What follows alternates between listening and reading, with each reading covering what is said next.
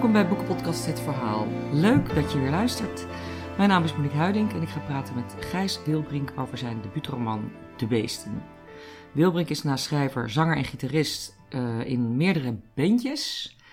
Hij is oprichter van, boek, van podcastplatform Vriend van de Show en een van de makers van de filmpodcast Nooit Gezien. Welkom Gijs. Dankjewel. Leuk dat je er bent. Ja.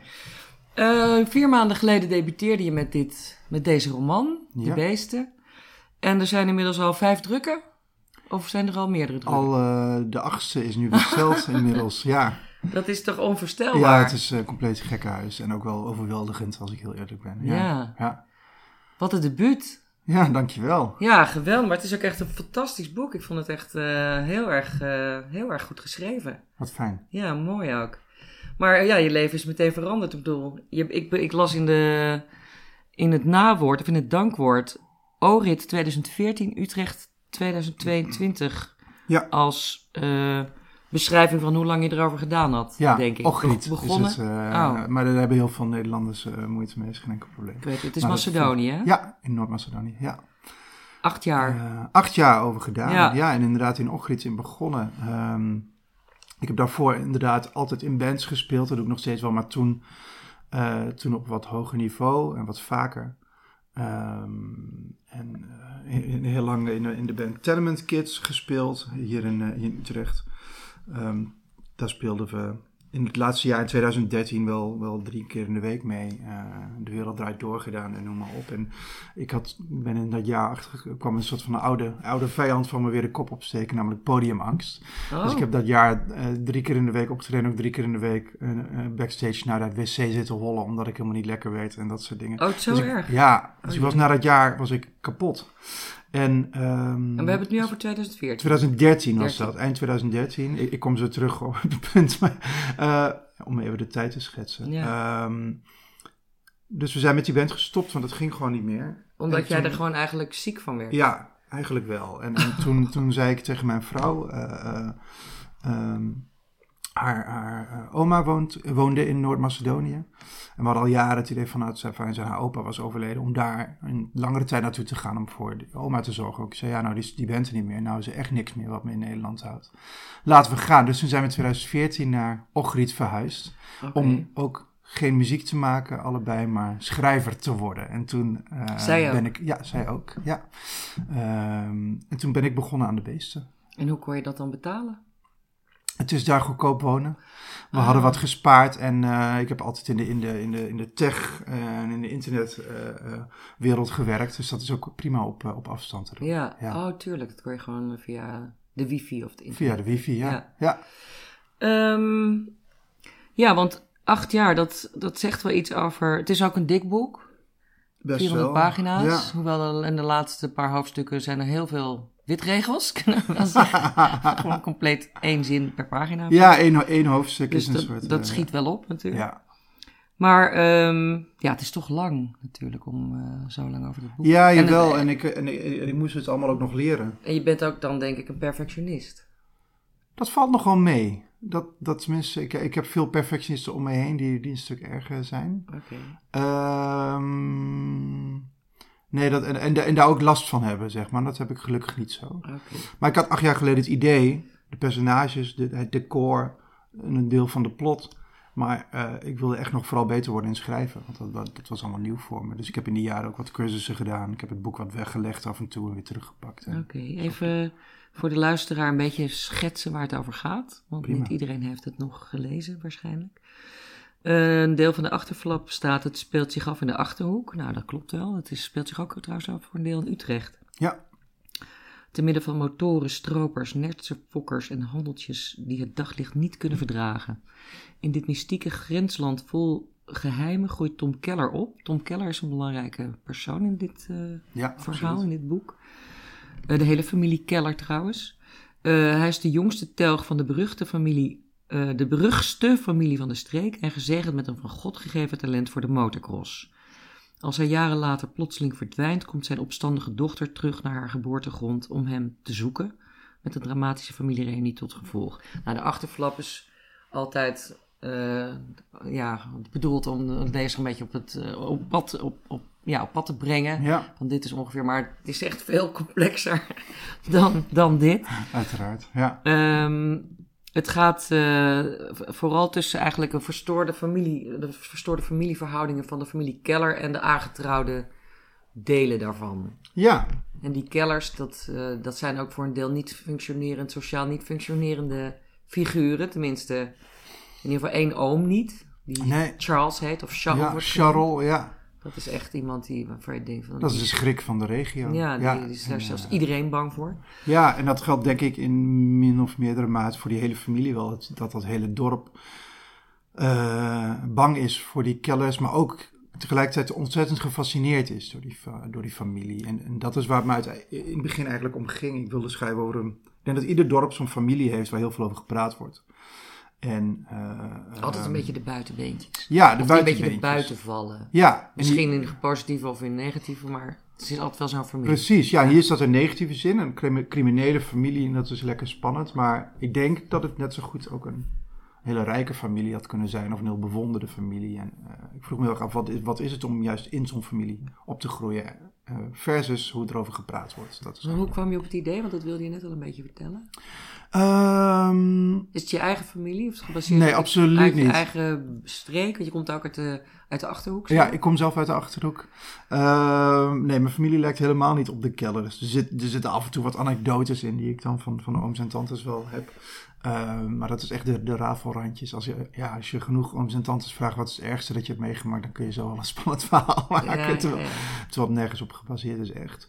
Ehm, ik had als eerste dit, dit decor. Oh, de, Achterhoek. Ja. Daar wilde je sowieso een verhaal in situeren. Ja, uiteindelijk wel. Toen we, toen we in Macedonië wonen en voldoende uitgezoomd waren, waren eh, had ik dat in één keer voor ogen. En dat, dat heeft wel een tijd geduurd. Ik heb daar vooral jaren nagedacht van, ik zou wel een roman willen schrijven, maar waarover? En op de een of andere manier, als je uit die streek komt, dan word je je heel even aangepraat dat dat niks bijzonders is. Dat, Hmm. is, dat gebeurt daar ter plekke, want het is doe maar normaal en eh, je hoeft niet zo op te scheppen. En als je eenmaal naar het westen vuist, dan gaan mensen je, je accent nadoen en noem maar op. Dus dat duurt, heeft een hele lang geduurd. Tij- tijd- minderwaardigheidscomplex. Ja, hoewel ze het daar zelf niet zo zien, maar eh, ehm, in ieder geval ook niet groter hoeven maken dan het is, zeg maar. En dat heeft tijd geduurd voordat ik echt, echt van een afstandje kijk van ja, maar er is heel veel boeiends over te vertellen volgens mij. Ik dacht al een lange tijd nog wel dat ik daar dan misschien de enige in zou zijn en dat het, een, dat het boek eh, drie lezers zou hebben.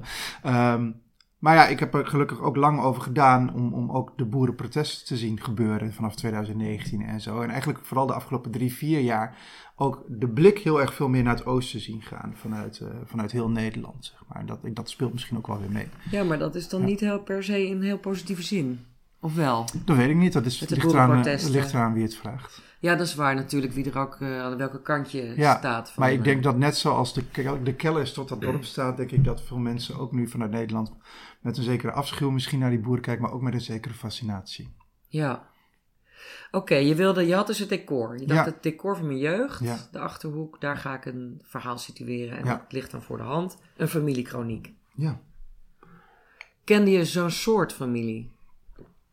Want je moet toch ergens je inspiratie ook wel eh, vandaan hebben gehaald. Ja, nou, ik kende wel een paar van die families waar je dan eh, als kind niet, eh, niet mocht spelen of niet bij in de buurt mocht spelen. Dat heb je een En beetje zo samen geraapt. Oh, ja, jawel, ja, maar toch ook wel heel veel gewoon uit, uit, de- uit de fantasie.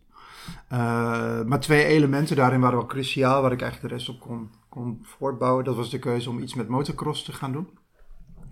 Dat, eh, waar ik in mijn jeugd zelf nooit iets mee heb gedaan, overigens. Maar wat toch wel op een gegeven moment bleek dat een beetje het stereotype is van de achterhoek. dacht ik, ja, dat is een mooi eh, iets om, om ook echt wat mee te doen. Ja. En, ehm, en met het stropen. Dat kwam eigenlijk, eh, ik ben heel gefascineerd altijd geweest door Amerikaanse plattelandsverhalen, boeken, films, eh, boeken van Cormac McCarthy en, en eh, William Faulkner bijvoorbeeld. en, Netflix-series, allemaal spannende verhalen daar. En op een gegeven moment las ik iets, iets heel kleins over stropen daar in Amerika. dacht ik van, hé, hey, hoe zit het eigenlijk ook alweer met die stroopgeschiedenis in de Achterhoek? Want ik wist dat er na de Tweede Wereldoorlog in tijden van armoede heel veel gestroopt werd Ja. uit noodzaak. En dat ben ik eigenlijk in mijn familie gaan navragen. En toen bleek dat we inderdaad wel een, uh, een of twee ooms dit hebben moeten doen. En dan precies om te eten te hebben. Om eten te hebben. En dan op zo'n manier ging hij met zijn broers, hier zijn het dan ooms in het verhaal geworden. Ja, even de Tom. ja. Zo opent het boek met een scène uh, waarin Tom nog pas negen jaar oud is. Ja. Kleine jongen. Ja. Uh, die gaat met zijn twee ooms zijn vader zit in de gevangenis. Dat is de, de derde Later, ja. Ja, no, no, nog niet in het begin, maar, maar die, die, gaat in de gevangenis op een gegeven moment. Maar in ieder geval, die, die twee broers, die ooms van hem, die nemen hem mee inderdaad s'nachts. Ja, om met een auto over de bospaden te scheuren. En daaronder hebben ze ijzerdraad eh, hangen eigenlijk, vlak over de grond.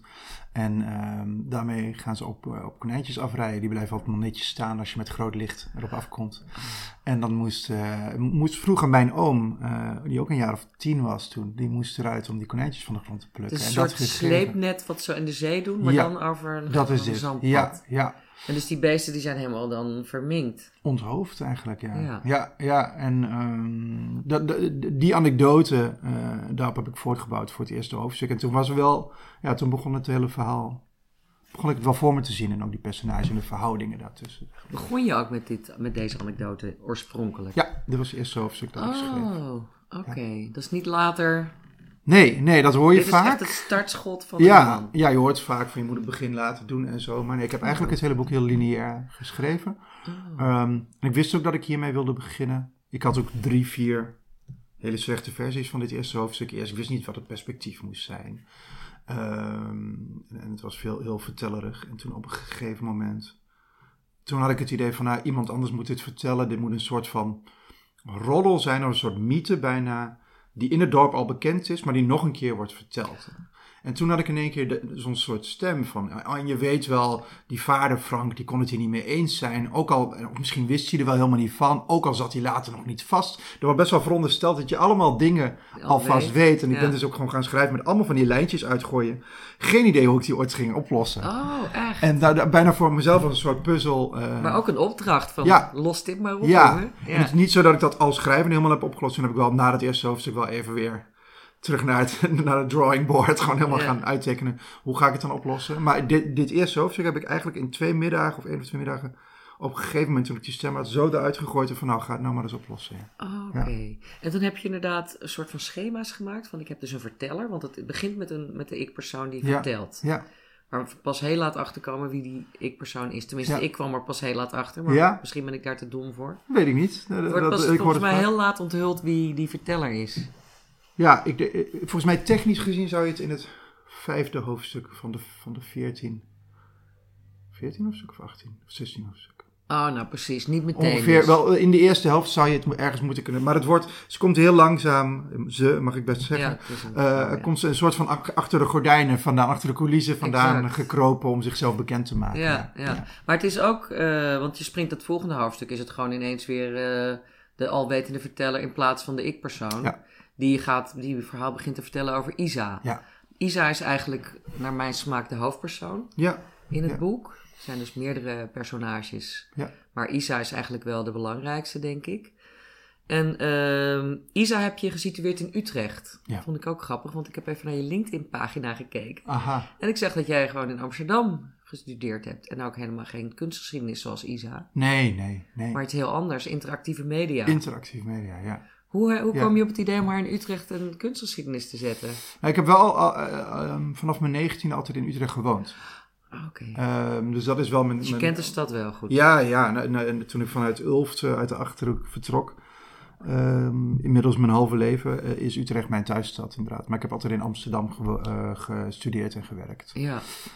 Um, en waarom kunstgeschiedenis? Nou, ik dus zocht even, wat moet ik misschien even voor de luisteraar uitleggen hoor. Dan moet ik altijd een beetje in de gaten houden. Want ik ken het boek en jij hebt het geschreven. Maar de luisteraar niet. Isa is de dochter van Tom. Tom Keller is, die wordt in het boek op een gegeven moment een hele beroemde motocrosser. Daar is hij namelijk ontzettend goed in.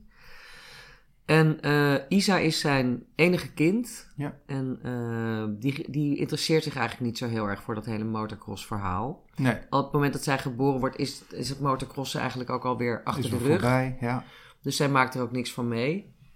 Um, en zij is heel slim. Dus zij is eigenlijk net als haar vader, heeft ook een gave. Namelijk, ze kan heel goed leren. Ja. Ehm, nou goed, en zij gaat dus weg uit, of zij, vindt, zij, zij heeft last van die kellerfamilie, omdat zij eigenlijk altijd gepest wordt eh, door de directe omgeving, omdat zij een keller is. Maar omdat ze zo goed kan leren, heeft ze dus een mogelijkheid om te ontsnappen. En dan gaat ze naar Utrecht. Dat is vrij in het begin van het boek, eigenlijk het tweede hoofdstuk. Ja, dan, dan zit ze midden in Utrecht. En ze gaat er aanvankelijk heen om kunstgeschiedenis te studeren, maar raakt al heel snel afgeleid door punkers, krakers, dierenactivisten. Dan ga ik je zo En, meteen eh, vragen een stukje voor ja, te lezen. Maar e- eerst nog even, waarom, Waarom kunstgeschiedenis? Ja. Ehm, ik zocht, ik zocht twee, eigenlijk twee dingen. Ik zocht een contrast met, met de rest, met, met, met Isa's achtergrond en misschien ook wel met, eh, met die punk scene waar ze in zit. Heel lang heb ik haar eerst, eh, ehm, ehm, hoe heet het ook alweer, aan het conservatorium laten studeren. Dat Oh, want muziek is eigenlijk veel logischer. Dat. Muziek en klassieke muziek Ja. en zeg maar dat. En toen was ik met mijn gezin, in, eh, met, mijn- met, met mijn zoontje en met mijn vrouw, in het Krullenmule. En dan zag ik die fantastische schilderij van Van Gogh, die hij in zijn Brabantse periode helemaal in het begin heeft geschreven, al die boerenportretten. En toen dacht ik, dit is het eigenlijk. Dit is... eh, ik herkende dit heel el- zelf heel erg. Dit is wat Isa zou herkennen. En ik dacht, kunst stelt Isa in staat om te reflecteren op haar achtergrond. En te reflecteren. En, en daar ook een bepaalde schoonheid in te vinden. Via die kunst ook schoonheid te vinden in haar eigen achtergrond en haar eh, milieu en, en haar leven. En, de, en de- dus dat was, was uiteindelijk. eh, Ja. Maar toen heb jij nog een deel van moeten verdiepen in kunst. Ja, Of had je dat van nature altijd al gedaan? eh, wel. Want er wel, best wel- veel, eh, ja, er zijn best veel zeer gedetailleerde beschrijvingen van ja, eh, schilderijen en van kunstenaars ook. ja. Ja, dat is het mooie van acht jaar over zo'n boek Ja, doen. Dan kun is je gewoon rustig ook nog eerst nog kunstcriticus worden en zo. Ja, kon je gewoon helemaal in- een studie ernaast maken als research. Ja, Leuk. Ik ga je even een stukje laten voorlezen. Het is helemaal uit het. het is eigenlijk direct nadat. Na die scène met Tom als jong jongetje. dat door zijn eh ooms wordt meegenomen op, stroop, Ja. op een strooppartij. En dan zitten we hier. al, Dit is, al, dit is pas. Ja, ik laat je het e-book voorlezen. Ik Ja, hoor. bij. ja, En hier is het pagina 30. In het boek is het waarschijnlijk pagina 15 of zo, eh, denk ik. ja.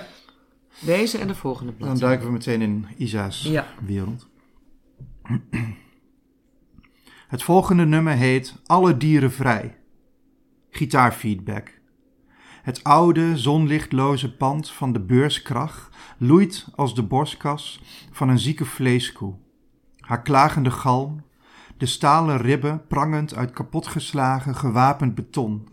De stank van oude dreadlocks en verschaald bier en urine. Het beest is al begonnen te rotten. Zwarte jassen met getypexte symbolen krioelen door haar gangen als vleesvliegen en hun larven. Punks, krakers. Isa probeert een bekend gezicht in de zwerm te ontwaren. Het vertrouwde gezicht van Erva of Dex, of een van de anderen die haar de afgelopen vier maanden voor het eerst in lange tijd het gevoel hebben gegeven dat ze een thuis had. Tikken. Oh, tikken plaats Ja. van sluipen. Doet hij niet? Nee. Wacht. We gaan even de bladzijde omslaan, dames en heren. Ah, die Beste elektronica. reizigers. Oh, Getver, hij is vastgelopen. Ah, Nou, nou, dan zie je, je kunt dan beter gewoon een papieren boek kopen. jeetje. Wat erg. Nee, ik krijg hem niet meer aan de Nee, ik praat. krijg hem ook zo snel. Nou ja, goed, het is een hele ik. scène waarin ze in een, eh, ja, voor, voor mijn gevoel een soort vrije vloer-achtige situatie. Dat is in Utrecht een soort poppodium. Ja, En dat ze daar eh, tussen de, in de krakers zien eh, terecht is gekomen. Misschien ook omdat ze op die manier aan een kamer is gekomen. ja, En eigenlijk heeft ze zich, begeeft ze zich tussen de dierenactivisten, Ja. toch? zeker. Die, die Evra heet, heet Erva. Erva, dat is Ja. ook steeds andersom, heel vreemd. Dat is eigenlijk, eigenlijk eh, een soort leider van een groepje dierenactivisten die ook acties uitvoeren, toch? Ja. Ja, zoals in de jaren negentig in, die, eh, in die wereld heel veel gebeurde. Ja, en zij voelt zich daar eigenlijk ook weer helemaal niet zo thuis. Kun je haar eens beschrijven, nu het niet gelukt is Ja, om te voorlezen? Nou ja, ze voelt zich er wel en niet thuis. Ze, ze zoekt een nieuw thuis. En ze, is, ze wil zich afzetten van die achtergrond. Ze heeft, komt toch uit een nest van dierenbeulen. Ehm, eh, die, eh, die stropers. eh, ehm, eh, maar later ook die, die oud-oom Charles, ehm, waar ze bij inwoont. Die, die gaat op een gegeven moment een, een illegale nertse fokkerij opzetten. En dat soort dingen. Dus ehm, ze wil daar weg. Ze weet denk ik niet zo goed waarom ze daar weg wil. Dus ze maakt er een grote bal van, van dingen waar ze zich tegen afzet. Ehm, maar ze voelt zich wel aangetrokken tot die dierenactivisten. En ook wel tegen. Uh, um, ze, ze, hield al een tijdje van harde muziek, dus dat, dat, dat was sowieso aan. Ze komt die Erva op een gegeven moment tegen. Je, je ergens op bij een bruggetje over de, over de Oude Gracht. We zouden zomaar eens op elkaar uit kunnen kijken vanaf hier. Deze uh, podcast wordt opgenomen in Utrecht aan de ja, Oude Gracht. ja, precies. Dat zien de lezers ergens, de luisteraars niet. Ja, ergens in de buurt van een koffieshop. want Isa is, die zoekt haar hel ook in het, in het blauwe. En dat deelt die Erva, die deelt daar fanzines uit. En fanzines of zines, dat zijn van zelfgemaakte, uh, gekopieerde vodjes, waarin uh, nou, allemaal uh, bandinterviews staan, maar ook politieke pamfletten en dat soort dingen. Die heb jij zelf ook en, gemaakt, las ik. Zelf ook gemaakt, ja. ja. ja vroeger echt punkzines en, en um, vorig jaar uh, ook een literair zien, De Leugenaar. Dat er ook uitziet als zo'n punkfotje, maar dan ja. met literatuur.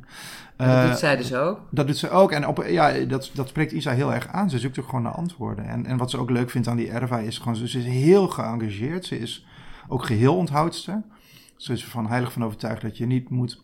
Geen drugs moet gebruiken, niet, uh, niet moet drinken, niet moet roken. Je, je, je, je hoofd helder moet houden om om maar zo uh, nou, het patriarchaat omver te werpen, zeg maar. En de hele wereld opnieuw in te gaan richten. Ja, want ze zijn een beetje woke eigenlijk, hè? Als je wat ja. dat we nu woke zouden noemen. Ja. Maar dat begint al, dat is al lang, dat is al, weet ik hoe lang, 30 jaar bezig. Dat is al lang. Kijk, en ik zat vroeger ook, je noemde in mijn, mijn bands, uh, um, vroeger ook in, in, in punkbands, iets later dan, dan, de jaren 90 waarin dit zich afspeelt al die verhalen en al die gesprekken waar het nu op Talkshow 12 zijn gaan, die hoorde ik 20, 30 jaar geleden ja. al in kraakpanden. Ik, ook. Ja, en Dat, dus dat is gewoon uh, zo. En ik vond het ook leuk om die, brug, om die brug te slaan daarin. Ja, want ik wou nog wel even vragen, want waarom? Want je bent uit 1984, ben je uh-huh. geboren.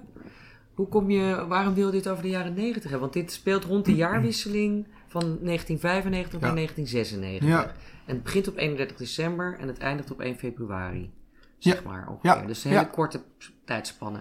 Waarom wilde je het precies over de jaren 90 uh, eh, hebben? Terwijl je dat zelf met, maar met, ja, als, als Van mijn zesde tot mijn zestiende, ja. Ja, wel tot je zestiende. Toch een hele vormende tijd wel hoor. Een enorme jaren negentig nostalgie. Ik keek heel veel televisie als kind.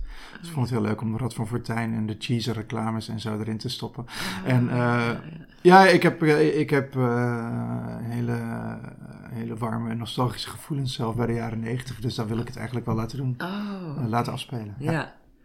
Nee, wat ja, grappig ook omdat je. Maar je hebt het natuurlijk, dat klopt wel, ja. Vanaf je, dus jij was zeg maar. Je laat het afspelen in een periode dat je ongeveer 12 bent. Ja, zelf. ja, ja. En Isa is een jaar of zes ouder dan, dan ik dan. Ja. ja. Maar goed, zij maakt natuurlijk wel in, dingen in het avond- en nachtleven mee die jij niet hebt meegemaakt, maar die je blijkbaar heel makkelijk kon voorstellen.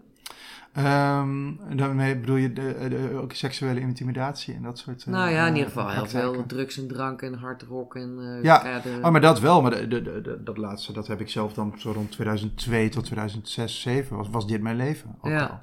Oh, ja. Beetje studeren, maar heel veel uh, van hoort naar her om bands te zien en, ja. en dat soort dingen. Ja, ik vroeg me af of, Isa, of jij op Isa lijkt. Of zij op jou lijkt. Um, Nee, niet heel erg. Ik denk de situatie waarin ze belandt lijkt heel erg op die van mij toen. Ik lijk iets meer, denk ik, op Dex. Ook een, een personage in het verhaal. Een, een punkzanger die, uh, die, die zich helemaal uitleeft op het podium. Maar daarbuiten best wel een schuchter iemand is. die bang is voor confrontatie. en dat soort dingen. Dat lijkt iets meer op mij. Uh, um, maar... Uh, nou ja, er zitten wel belangrijke verschillen. Isa is echt weggevlucht uit de achterhoek. Dat heb ik zelf helemaal niet. Bij mij nee. was het, ik wilde gaan studeren en, en dat was noodzaak. En ik ben, ben een beetje dit leven ingeduwd, zeg maar. Um, ze heeft een, ik, ik, ik was ook geheel onthouder in die tijd. Dus ik, dat heeft Erva dan weer iets meer van mij en zo. Dus ik heb wel natuurlijk mijn persoonlijkheid een beetje ja, uitgesprinkeld over die personages. Zo gaat het altijd. Um, nee, maar Isa, Isa is dapperder dan ik, koppiger dan ik. Daar, ja, dat is het wel. Ja. ja.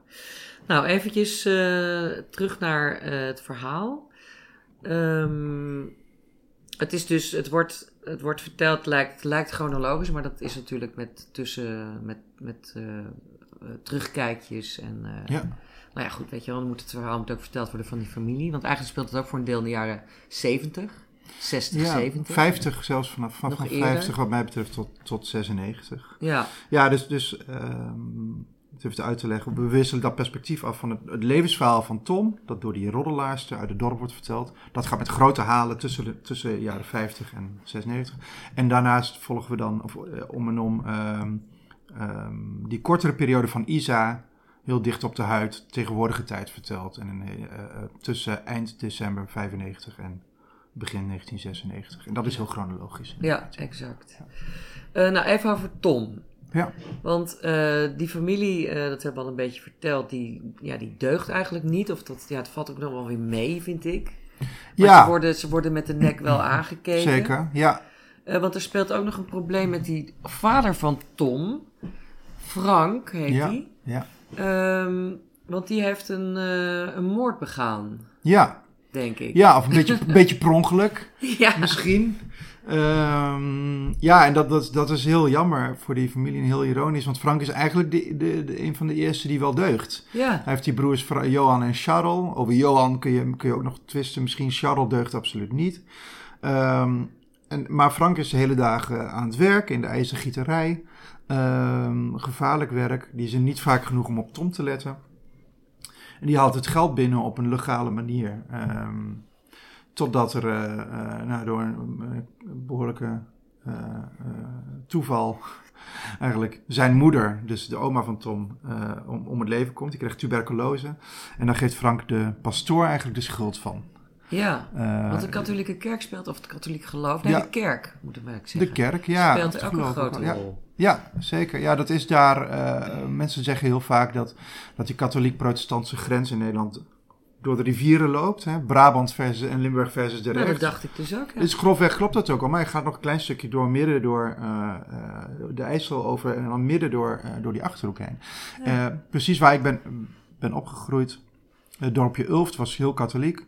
Dan had je daarnaast Gendringen, dat had zowel een katholieke als een protestantse gemeente. Twee kerken tegenover elkaar aan, een, aan wat het kerkplein heet. De Sint Martinus en de Sint Maarten. Dus de ene wat, wat meer grandeur dan de andere.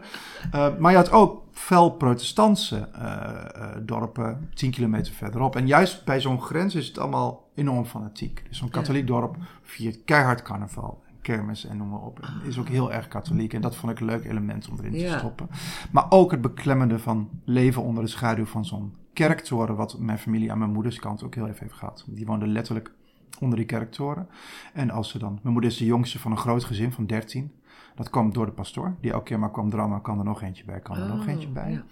Eh, was, het schijnt na de, na de oorlog, klein zijpad, eh, vanuit de paus een brief te zijn geweest naar alle katholieken. Zorg dat er maar genoeg katholieken komen.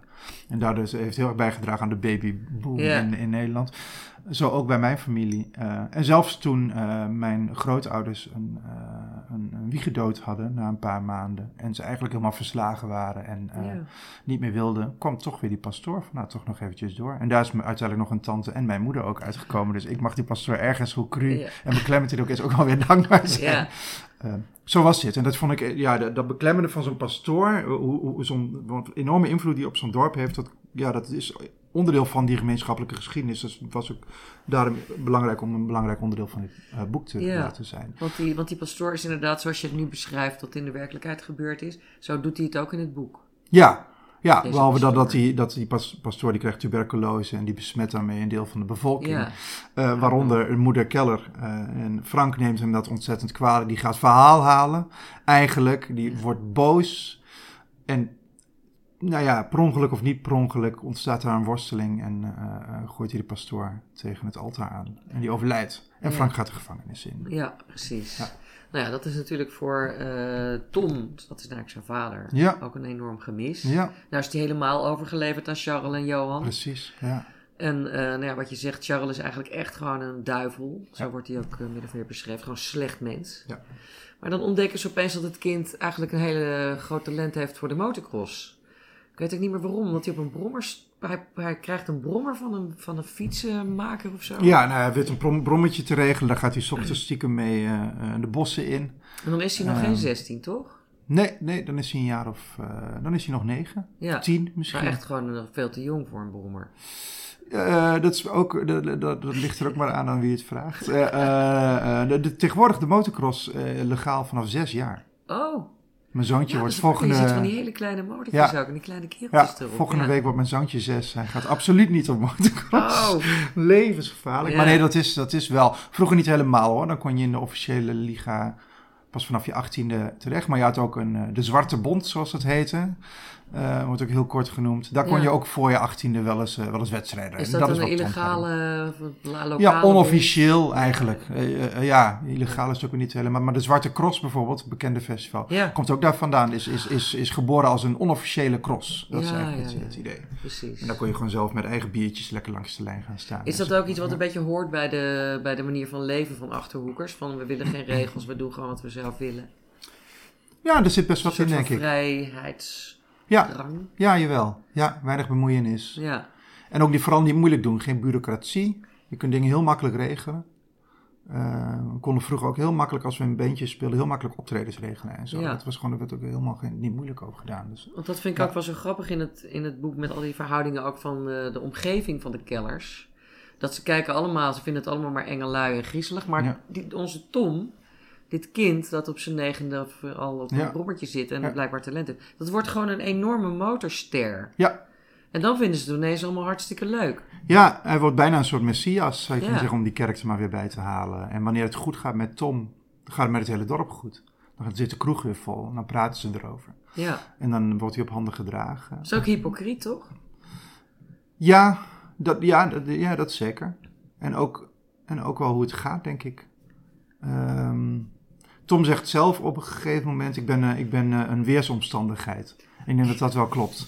Dus als, als bij Tom de zon schijnt, dan schijnt voor de hele regio de zon. Ja. En hij is verder ook niet in die zin, bijna niet eens een personage, zeg maar. We volgen hem best wel op een afstand en we kijken hoe dat, wat dat met die familie doet en wat dat met het hele dorp doet. En er gebeurt echt van alles met hem, inderdaad. Zonder Ja. dat hij daar nou zelf per se een, de, de motor achter is. Nee, nee, ja. De motor loopt eigenlijk stationair en er gebeurt dan de hele tijd iets met, dat, Ja. met die jongen. En dan, ja, die eigenlijk door mythe. andere mensen, de dynamiek komt van andere mensen. Ja, en, ze, en, ze, en, ze, en wanneer hij uiteindelijk dan eh, een ongeluk krijgt en weer teruggezogen wordt, dan is het ook klaar, de Ja. liefde. Dan kijken ze met de nek aan en dan, dan zo kan Isa ook gepest worden en zo. Dan zijn ze ook niet meer zo bang voor die killers eigenlijk. Ja. En dan kunnen ze eigenlijk laten zien wat ze er echt van vinden misschien wel. Ja. Ja. ja, want hij wordt dus heel erg gedrild door die twee ooms. Ja. Waarvan eh, Johan eigenlijk wel een aardige vent is, denk ik. Ja, ook wel, een- ook wel een rotzak hoor, maar, eh, maar inderdaad, daar kun je ook nog wel een biertje mee drinken. Ja, Ja, die heeft toch echt wel, die wil ook per se dat dat jongetje echt hartstikke goed wordt. ja, ja dat En wordt die- zijn mentor ook. Ja, Ja, ja. en die, die, dat stel ik me dan zo voor, dan zetten ze hem in het deel, zetten ze hem op een motor en dan gaan ze hem heel hard heen en weer schudden. ja, Om hem te trainen dat hij, dat hij zich moet vastklemmen met zijn bovenbenen. ja want je moet heel veel met je benen doen en heel weinig met je armen. Dat is met paarden trouwens ook zo. Als je Oh. paard rijdt, moet je ook klemmen. Aha, Dan zit je ook steviger op je paard, want dat beweegt natuurlijk ook nog alle kanten op. dit wist ik niet. Dus het klinkt wel heel logisch. Maar, Maar dan gaat Charles, die gaat aan de kaart aan die motor. Ja, een beetje zoals de mechanische stier op de kermis. Ja, heen ja. en weer eh, bewegen. Dat het kind moet, oeh, die moet dan klemvast op die motor Ja. leren zitten. Ja. En dan, dan valt hij er ook een keer af en zo. En eh, dat doet hem ook pijn. En dan zijn ze ook keihard tegen hem. Maar er zit nog iets geks bij die Charles, want die was ook goed in motocross. Ja. Hoe zit dat? Ja, dat was die, eh, dat, ik denk dat dat eh, oorspronkelijk het talent was misschien wel, maar dan net niet goed genoeg en, en, en, en absoluut ook niet een gunfactor. En dat is toch in het leven ook wel belangrijk, denk ik. Ah, ja, dus die goed. werd ook wel, ehm, die, het was heel moeilijk voor hem om een, eh, om een, om een H-nummer te krijgen, zo heet het dan. als je dat je officiële wedstrijden kan Een rijden. H-nummer? Een H-nummer, ja. Oh, dat is een wedstrijd. Van de, van de, ja, van de bond. En, eh, ehm, en die, ja, die wordt best wel tegengewerkt. En, en, en het is gewoon heel evident dat die Tom nog veel beter is. Dus die Charles die wordt met de dag alleen maar jaloers. Ja, Ehm, en die wordt wat- nog valser die wordt nog vals. En wat Ja. zijn mentor was, zijn grote broer Johan, die stort zich nou helemaal op dat neefje, op die Tom. Ah. Ehm, ja, en dat, dat zet uiteindelijk iets in, in gang, waardoor Charles eh, de hele boel voor de hele familie eigenlijk voor goed verbruikt. Ja, Ja. daar komt het wel op neer. Ja, Daar kom je ook pas heel erg laat achter dat Ja. dat zo is. Ehm, eh, ja, jij, jij zei het al, je, je hebt zelf helemaal niet op een crossmotor gereden, toch? nee. Of wel geprobeerd even voor dit boek? Of ook Ik, niet? ik heb geprobeerd om mijn, eh, mijn motorrijbewijs te halen überhaupt. Maar nog niet eens op de crossbaan. Hier in Utrecht. Ah, ik werd helemaal gillend gek. Ja? Ik vond het een beetje zo buitenaf rijden vond ik eigenlijk hartstikke leuk. Maar zeker hier in Utrecht, dan zitten ze alleen maar te stressen op dat je die rotondes goed moet nemen en zo. En dan denk je, ik ga alsof ik ooit in mijn leven straks, als ik eh, de rijbewijs heb, een rotonde, de- dit soort rotondes ga nemen. Nou, misschien Ja. een keer. Maar de, de, de- dus dat was, dat was helemaal geen aansluiting. Toen ben ik ook gezakt. Toen heb ik het nog een keer geprobeerd en uiteindelijk heb ik zo'n beetje mijn halve boekvoorschot ver, verpest aan, aan, eh, Rijlessen? motorrijlessen zonder ooit motorrijbewijs te hebben. Ah. En nu ben ik ook helemaal klaar mee. Ja. Ja, oh, wat grappig. Want er staan heel veel details ook in eh, over hoe het moet. ja, Laat je door Johan vertellen vooral. Ja. Ja, onder andere is dat van die benen eh, dan vast. Ja, nee, ik heb goede, eh, je had een hele goede informant. goede informanten in de Achterhoek. Mijn, eh, mijn eigen oom Johan, die, die eh, verder niets te maken heeft met deze oom Johan, die, eh, die is vrijwilliger op een crossbaan in, in Hummelo.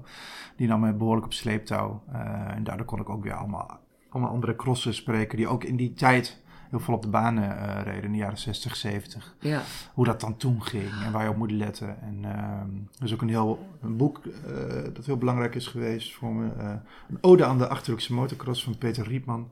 Daarin staat, dat is een heel mooi groot fotoboek. Met wel, met geloof wel 40, 50 bijna legendarische crossers met grote foto's en verhalen en dat soort dingen. Dus daar heb ik eh, dankbaar gebruik van mogen ja, maken. ja, ja, ja. Nou, dat kan ook. Waarom zou je niet over iets schrijven waar Nee, je zelf tuurlijk. Ja, je moet op een of andere manier research doen. Maar het was fijn. Ik heb die Peter Riepman ook nog, nog gesproken erover en zo. Dus die, eh, die omarmde het ook helemaal. Dat was wel. Oh ja, heb je belangrijk. goedkeuring gevraagd? Zeker, ja. Kun je dit even lezen, checken of het klopt? Ja, ook. Ja. Ja, ja. Hartstikke slim. Ehm, want jij ging dus ook, of je in je familie werd er niet naar de motocross gegaan. Want dat is toch best eh, volksvermaak, toch? ja. Nee, niet eh, eigenlijk alleen die oom. Ja. En die was dan heel fanatiek ook wel hoor. Die heeft al zijn hele leven op de vrachtwagen gezeten. En als hij iets moet, eh, moest afleveren in Eng- Engeland en dan zag hij dat het vier uur omrijden een crosswedstrijd was, dan ging hij gerust ook vier om- uur Ah. omrijden om daar een wedstrijd te zien. Dus dat was helemaal zijn ding. Oké. Maar nee, ik heb dan zelf van vroeger, nou wel eens naar de Zwarte Cross geweest. Wel eens een wedstrijd gezien natuurlijk. Dat, dat maar niet jouw was ding. Nee. Het is ook zo'n herrie. Ja, Enorme herrie. Mijn broertje heeft het als jong, jochie in een Porsche gedaan. te gek. Vreselijke herrie. Echt, eh, ja, ik vond het ook eh, wat dat betreft. Nou ja, je ziet ook niks als je ernaast staat. Jij, je ziet ze iedere keer even langskomen. Ja, Maar- valt wel mee. Wat ik wel heel leuk vind is dat er tussen eigenlijk niet, er zijn niet van die tribunes. Nee. Maar je staat echt er langs. Dus ze hebben heel mooi onder elke schans zit ook een tu- tunneltje waar je als publiek weer doorheen kan manoeuvreren. Dus je zit er wel echt middenin. Dat vind ik wel echt wel bijzonder. Ja. ja, je wordt helemaal gek van die herrie. Ja, Die- ja, die ja, het gezoem. Ja, ja. Ja, dat laat je ook een van de personages uitleggen. Dat hij niet tegen die herrie kan. Die Nee. dat een soort van wespengezoem Wespengezoem, of wespengezoem. Mm. Dat nog elke keer in haar hoofd zit als ze eraan terug Ja, dat is, een wespengezoem is best een alarmerend geluid. Dat is eng. Ja. Weet je wel, dat, dat vind ik dan weer van dat motorgeluid weer niet. Maar dat heeft Ja. een functie in het... eh, in Ja, dat is zo. En het, het is een beetje, ligt aan het aantal cc. Als je de, jonge, de, de, de, jongste paars, dat is, dan klinkt echt als wespen. Ja, dat hele Eh, hoge. maar dat, dat- ja, maar de, de zwaardere motoren is inderdaad meer zoals een paar beren staan te brullen of zo. Ja, ja, precies. Nou, nog even een klein stuk, want we hebben nog niet meer heel erg veel tijd. De tijd vliegt altijd met deze podcast. Ehm eh, nou ja, zij, Isa gaat terug naar het dorp, omdat Tom weg is. Ja. Dus Tom heeft, oh, dat, hebben we nog helemaal niet verteld, maar dat is ook niet heel belangrijk. Hij krijgt een ongeluk wat een einde maakt aan zijn carrière als ja. motorsporter. Zijn been is stuk. Ja. Eh, Isa die is inmiddels naar... eh, is- eigenlijk is Isa zijn lievelingetje ook wel, hè? Een Ja, dit is, hij, hij krijgt het ongeluk al dus voordat zij geboren wordt. Ja. En, eh, maar eh, het geluk komt er langzaam weer zijn kant op. Hij krijgt een dochter en daar, stort hij eigenlijk alles op. Ja. Eh, maar ja, En die, gaat dus studeren. die gaat studeren, ja, want die voelt zich in dat dorp vooral. En ook ja, met de rest van de familie gewoon niet helemaal eh, op haar plek. Nee. Dus als zij weg is, eh, dan gaat het met Tom snel ha- hard achteruit. Totdat een dag dat hij vermist raakt. En Isa, die net aan het proberen was haar plek hier te vinden, hier in Utrecht zeg ik dan. ehm, die moet weer terug, die gaat hem zoeken. Ja, Ja. En dat is Precies. eigenlijk vrijwel in het begin al een startschot voor dat zij dat dit hele verhaal start, inderdaad. ontdekt. En daarom k- komen wij als lezer alles te weten eigenlijk over die familie en Ja. die, al die eh, verhoudingen en hoe dat, hoe dat is gegaan met aangetrouwde mensen. De verering van Tom. Eh, ook weer dat laten vallen op het moment dat zijn been stuk is. En meteen is het weer van, dat zijn die vreselijke kellers. Ja. En ehm, eigenlijk neemt Isa ook eh, die, in, haar, in haar zoektocht naar haar vader. eh, ontdekt ze ook allerlei nieuwe dingen over, eh, over haar familie. Want ze was niet zo geïnteresseerd in haar familie eigenlijk. Dat vond ik ook wel interessant. Dat ze pas op dat moment. Dus zij heeft zich ook een beetje altijd gedistanceerd van die familie.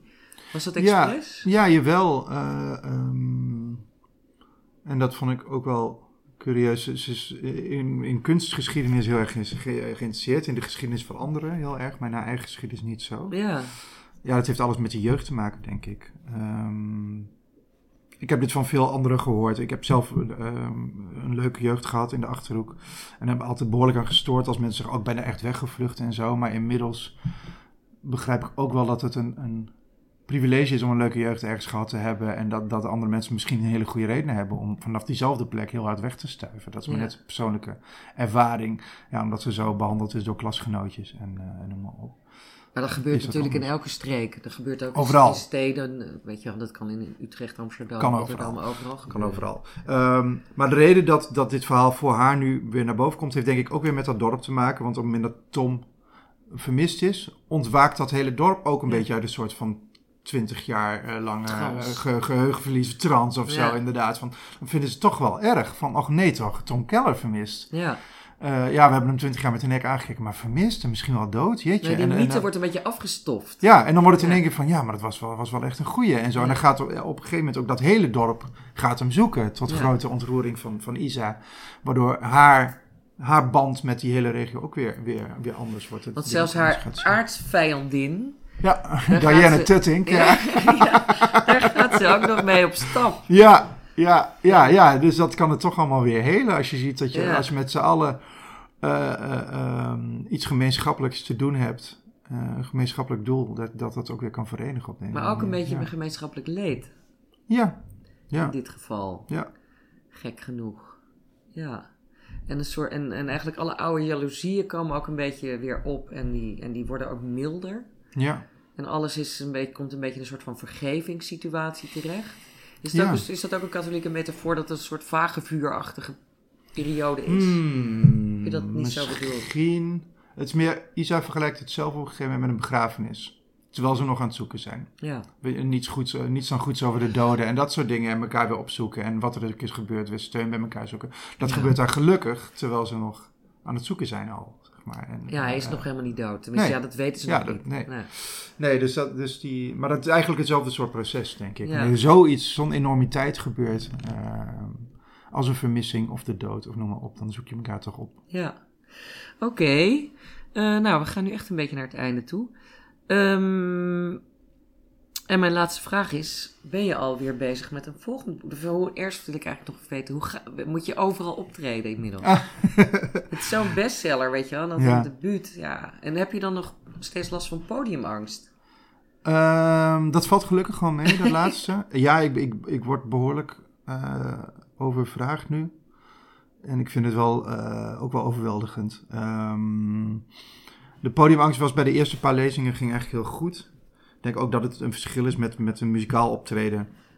Dat, dan ben je afhankelijk van bandleden en van de energie met de zaal en zo. En, en, en, en kan, het staat heel veel op het spel en dit is gewoon voorlezen, zeg maar. Maar eh, ja, ik, ben, ik merk dat ik wel. eh, ik vind het wel veel. Ja. Ja. En ik, maar, ik wilde daarbij absoluut niet klagen, want dit is wat ik. Je, ja, je wil natuurlijk ook zo'n succes, zeg maar. Maar het is, het is vrij plotseling en vrij veel. Ja. Ja. Ja. Nou ja, wel, ja, god, het hoort er. Ik bedoel, de mensen die niet goed eh, verkopen, die. eh, Die balen als een stekker. Die- en, en, dat had ik dan ook gedaan. Nee, dus, eh, dit hoort en er, dit moet ook. dit, dit hoort en dit moet. Dus nee, het is, het is allemaal. Maar niet alle, elke schrijver is er goed in. Het is ook een beetje gek, weet je. Je bent acht Ja. jaar. Vroeg me ook nog af, had je, voelde je pijn toen, je- toen je de laatste punt zette? Toen je naar de tour Nee, ging? eigenlijk niet. Nee? Nee, dat was heel leuk. Zwaar? Eh, nee, het was ook een hele leuke dag eh, bij de Bezige Bij, waar, waar Thomas Rapp, mijn uitgever, in onder is gebracht. Hebben ze één keer in de maand een schrijversdag, waar je met nou, een stuk of tien schrijvers kunt inschrijven om dan daar met z'n allen de hele dag te schrijven. Maar het was heel veel schrijven in één zin. Ehm, en daar heb ik de laatste, eh, eh, eh, dat was de laatste dag dat ik aan mijn manuscript werkte. En, dus het was van tevoren van, nou, waar ga je aan werken? Waar ga jij aan werken? Ik zei, nou, misschien, volgens mij ga ik vandaag mijn boek inleveren. Dus toen was het om vier uur. Dan heb ik inderdaad op verzenden gedrukt en zo. En toen was, het, en toen was het tijd voor de borrel en iedereen juichen en zo. Dus Ja. dat was een enorm leuk collectief moment Ja, eigenlijk. ja, ja. Ja, Heel feestelijk. heel feestelijk. Ja, bij puur toeval. Maar, ja, ja, heel leuk. Nee, maar ik kan me voorstellen als je dus zo lang verbonden bent met zo'n tekst, dat je dan eh, ja, een beetje probleem hebt met afstand, een soort lege nest syndroom Ja, eh. ja. maar dat Nee, was niet zo. valt mee. Het wordt door dit soort dingen en al die lezingen wordt het nog behoorlijk levendig gehouden. Ja, dat is ook zo. Eh, nee, dus ik ben nog veel bezig met de beesten, ja. Nou ja. Maar eh, dat is dan echt mijn laatste vraag. Ben je, heb je al een plan voor een volgend boek? Ja. ja. Had je dat al ondertussen Nee, gekregen? Nee, echt de afgelopen weken ook voorzichtig proberen daaraan te denken en aan te researchen. Oh. En eh, heel veel een- ideeën ook meteen weer afgeschoten. Ehm, maar dit is nu wel eentje waar ik al één à twee maanden enthousiast over ben. En, eh, en mijn uitgever ook enthousiast over is. Dus daar gaan we gewoon, eh, gaan we gewoon voor. Oh, wauw. Want je Ja. wilt dus gewoon doorschrijven. Is, dat is het goede nieuws. Tot de dood. Tot de dood. Ja. Heel goed. Nou, ik, eh, ik dank je hartelijk voor dit gesprek. Fantastisch boek. Mensen koopt allemaal de beesten. Het kan als e-book, maar dan slaat hij helaas de pagina niet meer om. dus doe het dan vooral ook als een echt een, een, een papieren boek. Ehm, ik sprak met Gijs Wilbrink over zijn debuutroman De Beesten. Deze in eigen beheer gemaakte podcast is al sinds 2016 gratis te beluisteren. Maar het kost wel geld om te maken. Daar kun je een handje bij helpen door deze podcast te steunen met een donatie. En dat kan via de website podcasthetverhaal.nl. Op de pagina Steun het Verhaal kun je een bedrag naar keuze overmaken. En alvast heel hartelijk dank daarvoor en tot de volgende keer.